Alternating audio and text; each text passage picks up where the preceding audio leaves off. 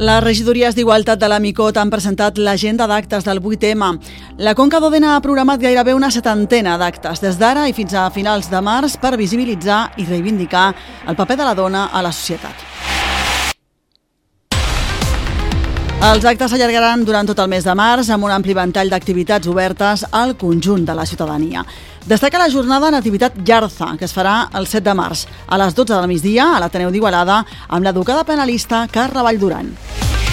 Les obres de millora del carrer Santa Llúcia estan en la fase final. Avui han iniciat els treballs d'asfalt en els darrers en els trams afectats. D'altra banda, parlant d'actuacions, demà és previst també construir dos passos de vianants al carrer Migdia i al carrer 2 de maig que alteraran la ruta del bus urbà. Parlarem avui de la diabetis perquè aquesta setmana, en el marc del programa Viure amb diabetis, hem abordat dos aspectes essencials. La gestió de la glucosa en sang durant les dates especials i celebracions, així com durant la convalescència per malaltia. I farem crònica de l'èxit de les festes del Soci 2024, una setmana plena d'activitat eh, que han comptat amb una gran participació de la gent gran. El Ball del Soci a Campa Passeig va ser una de les jornades més reeixides amb l'assistència de 180 persones. I parlarem també d'una xerrada informativa sobre la pèrdua de memòria i la soledat de la gent gran que es fa demà al Casal Vilanovi. Serà impartida per professionals de salut del Centre d'Atenció Primària local. I us presentarem una nova eina que hem introduït al Connectant Idees d'aquest dimarts. Hem explorat tali.so, un creador de formularis en línia molt atractiu tant per a l'ús personal com professional.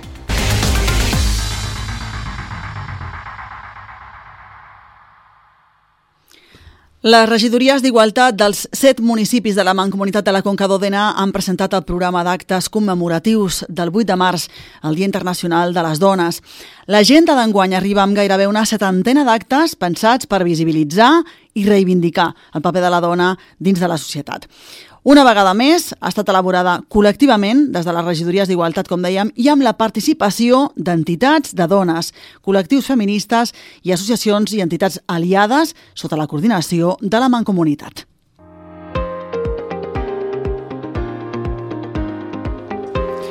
Els actes han arrencat aquest passat cap de setmana i s'allargaran durant tot el mes de març amb un ampli ventall d'activitats gratuïtes i obertes al conjunt de la ciutadania. Exposicions, tallers per a joves i infants, xerrades, concerts, monòlegs, espectacles teatrals, taules rodones i concentracions reivindicatives.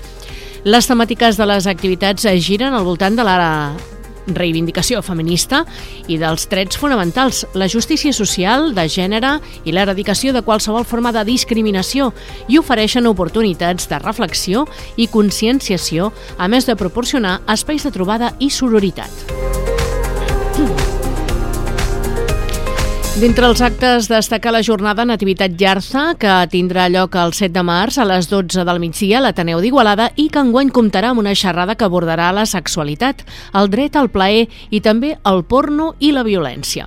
Anirà a càrrec de l'advocada penalista Carla Vall Duran, especialitzada en violències sexuals i feminicidis.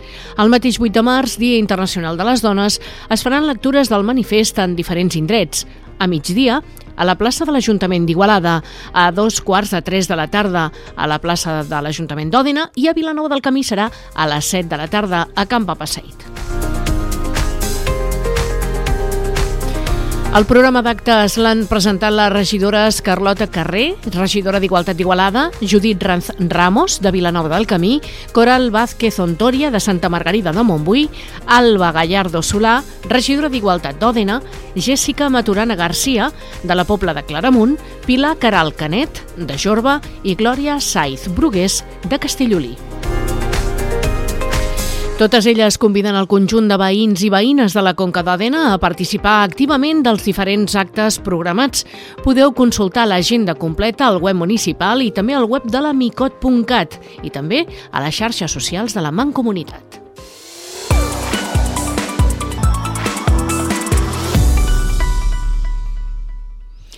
Les obres de millora del carrer Santa Llúcia estan en la fase final.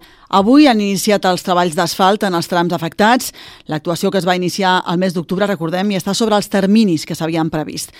Alguns canvis en l'ordenació de carrers, però sobretot la tolerància i respecte dels veïns de la zona han facilitat la convivència amb les obres sense incidències. Els treballs d'asfaltatge han començat avui, però no s'ha hagut d'alterar el trànsit perquè estan limitats dins de la zona de les obres.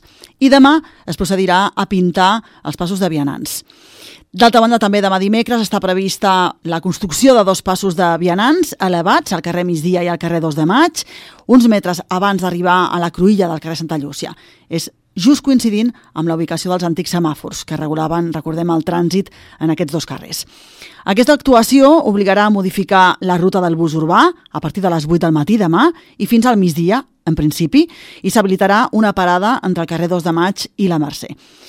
També entre Mercè i migdia s'arranjarà demà un clot a la via i encara hi ha un parell més d'actuacions programades. L'asfalt d'un esboranc en el tram de Miralcamp, amb el fons 13 i foradada, això és en direcció a Eco Vilanova, i l'arranjament d'un marge de la zona de la Ronda Oest amb Isabel la Catòlica.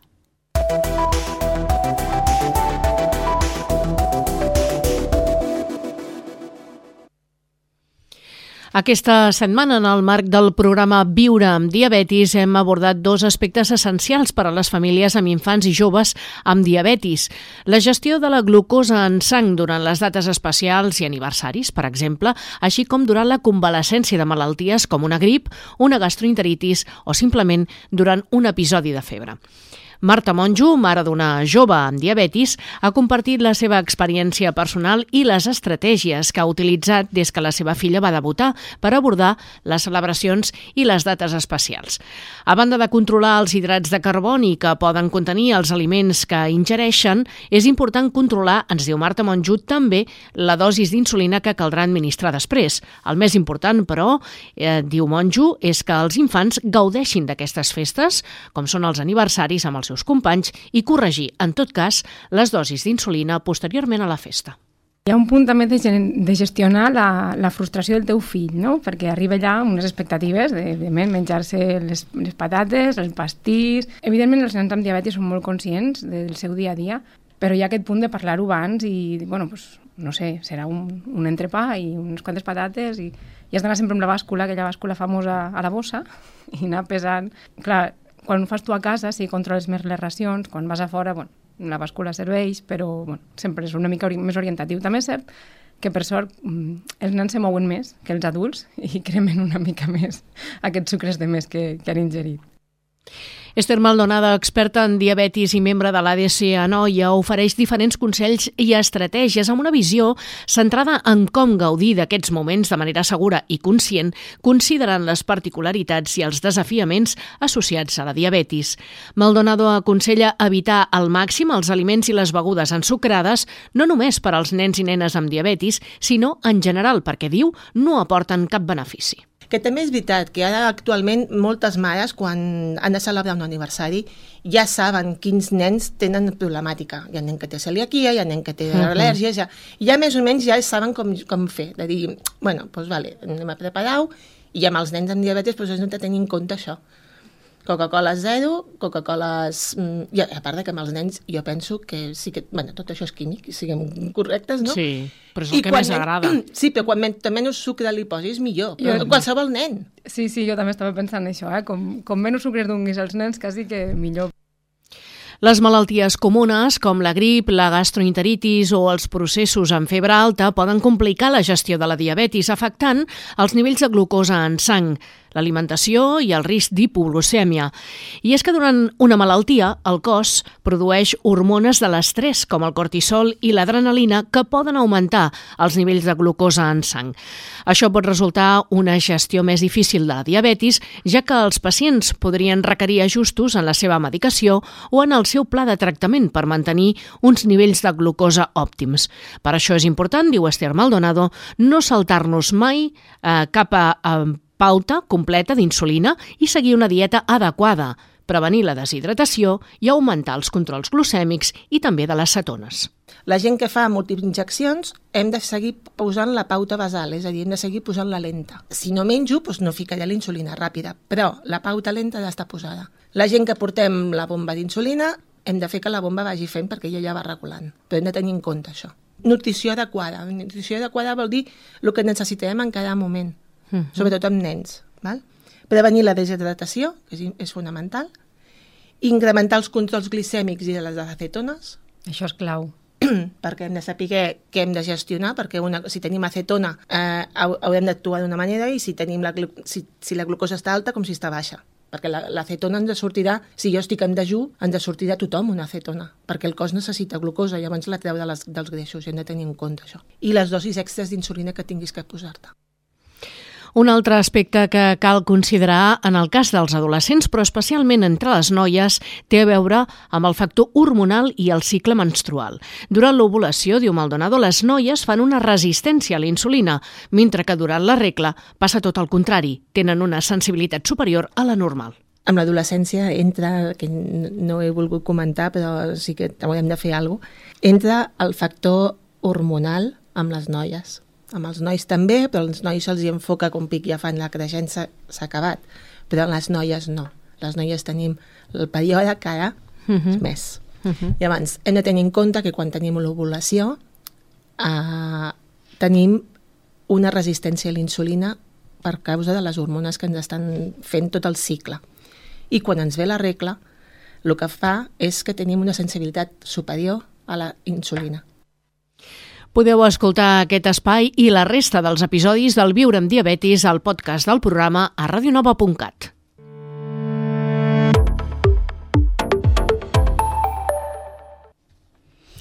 Al llarg de la setmana passada, la gent gran va poder celebrar les festes del soci organitzades per l'Associació de Pensionistes i Jubilats de Vilanova del Camí, un programa que ha tingut molt bona participació i que han valorat amb satisfacció. L'Assemblea Ordinària de Socis anual ha servit per passar comptes i fer balanç de l'activitat de l'entitat, però ha estat sobretot una setmana de caràcter social i lúdic. La primera activitat la van celebrar dimecres. Unes 60 persones van compartir una activitat cultural sense sortir de la comarca, amb visites guiades al Museu de la Doberia de Calgranotes i la Tossa de Montbui, un dinar al restaurant Queral del Bruc i una fi de festa amb ball a càrrec de Joan Vilanteny. Dijous van celebrar, com dèiem, aquesta Assemblea General Ordinària de Socis, que va començar, com cada any, amb un petit homenatge als socis traspassats l'any 2023. Un minut de silenci i la interpretació de dues cançons a càrrec d'alumnes de Sheila Grados de l'Escola Artístic. I a continuació es van tactar els punts a l'ordre del dia la memòria d'activitats i la previsió per aquest any, així com el balanç econòmic de 2023 i el pressupost per aquest any 2024. També es va procedir a aprovar la modificació dels estatuts per acabar amb l'entrega d'un pin de plata als socis més antics. Tots els punts, cal dir, es van aprovar per unanimitat amb la participació i el vot d'una seixantena de socis assistents. Divendres al Casal de la Gent Gran, una vuitantena de persones van poder passar una estona entretinguda jugant al bingo. I els actes del cap de setmana també van tenir molt bona acollida. Dissabte, unes 180 persones s'aplegaven a Camp Papaseit, en el Vall del Soci, amb entrada gratuïta per als associats. I diumenge, un centenar sortien en direcció a la comarca de l'Alcamp per gaudir d'un dia complet, amb parada per esmorzar al restaurant Casa Paco de Santa Margarida i els Monjos, esmorzar a Montferri, on van visitar el santuari de la Mare de Déu de Montserrat, desplaçament després a Sant Martí de Sarroca, amb visita a les caves Romagós a Torner i la corresponent degustació i una calçotada al restaurant Casa Paco, amb fi de festa amb ball i música en directe. La Junta de l'entitat es mostra molt satisfeta tant per l'assistència de socis com pel desenvolupament en general dels actes programats en aquestes festes del soci 2024. Festes que han comptat amb la col·laboració també de la regidoria de la gent gran de l'Ajuntament Vilanoví i l'organització tècnica de viatges Tour Sènior.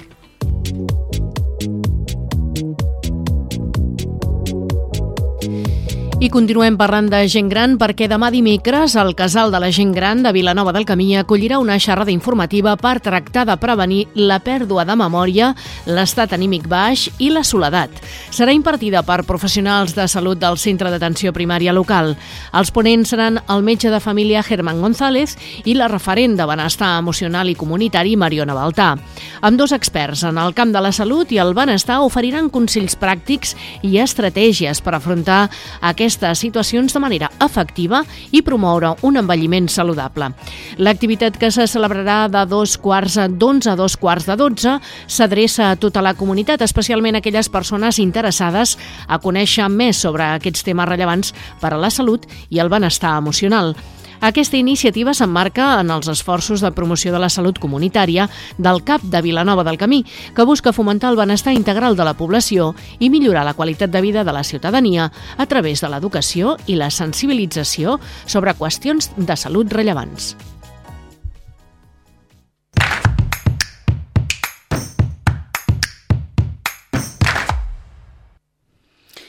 En un món cada vegada més digitalitzat, la creació de formularis en línia ha esdevingut una necessitat essencial per a empreses i particulars. És per això que Tali.so està guanyant terreny com un dels creadors de formularis més destacats, oferint una experiència àgil i atractiva. Avui hem parlat d'aquesta eina al programa Connectant Idees amb Raül Bocacci i la nostra companya Marisa Martínez. Un dels aspectes que diferencia tal i punt so de la competència és la seva facilitat d'ús i la seva estètica més agradable. A diferència d'altres plataformes com Google Forms, Tali ofereix una interfície més elegant i usable i permet també als usuaris crear formularis personalitzats amb més facilitat. Sens dubte, és una eina que està canviant el joc en el món dels formularis en línia, simplificant el procés de recopilació d'informació i millorant també la interacció digital en tots els sectors. Podeu posar a prova la vostra memòria i descobrir quantes coses sabeu d'aquesta nova eina després d'escoltar el programa. Raül Bocatxe ha presentat un nou Kahoot per animar l'audiència a participar en aquest nou concurs i esbrinar si han estat atents a les explicacions del programa Marisa. Doncs sí, a més a més, aquest és, com deies, eh, el segon Kahoot de la temporada, perquè la setmana passada varen posar a prova l'audiència de Ràdio Nova i el resultat ha estat força positiu. Hi van participar 13 persones, de les quals 4 van encertar les 4 preguntes que es proposaven. D'aquestes, l'Alba ha estat la persona més ràpida en contestar-les i, per tant, la guanyadora d'aquest primer Kahoot de la temporada. El Kahoot que proposàvem eh, girava entorn dels Keith i la mitjana de les respostes encertades ha estat del 65%. La resposta amb menys encerts ha estat la primera, que feia referència a la data en què van aparèixer els primers Keith. Només el 45% dels jugadors va encetar-la. Va ser el 1852.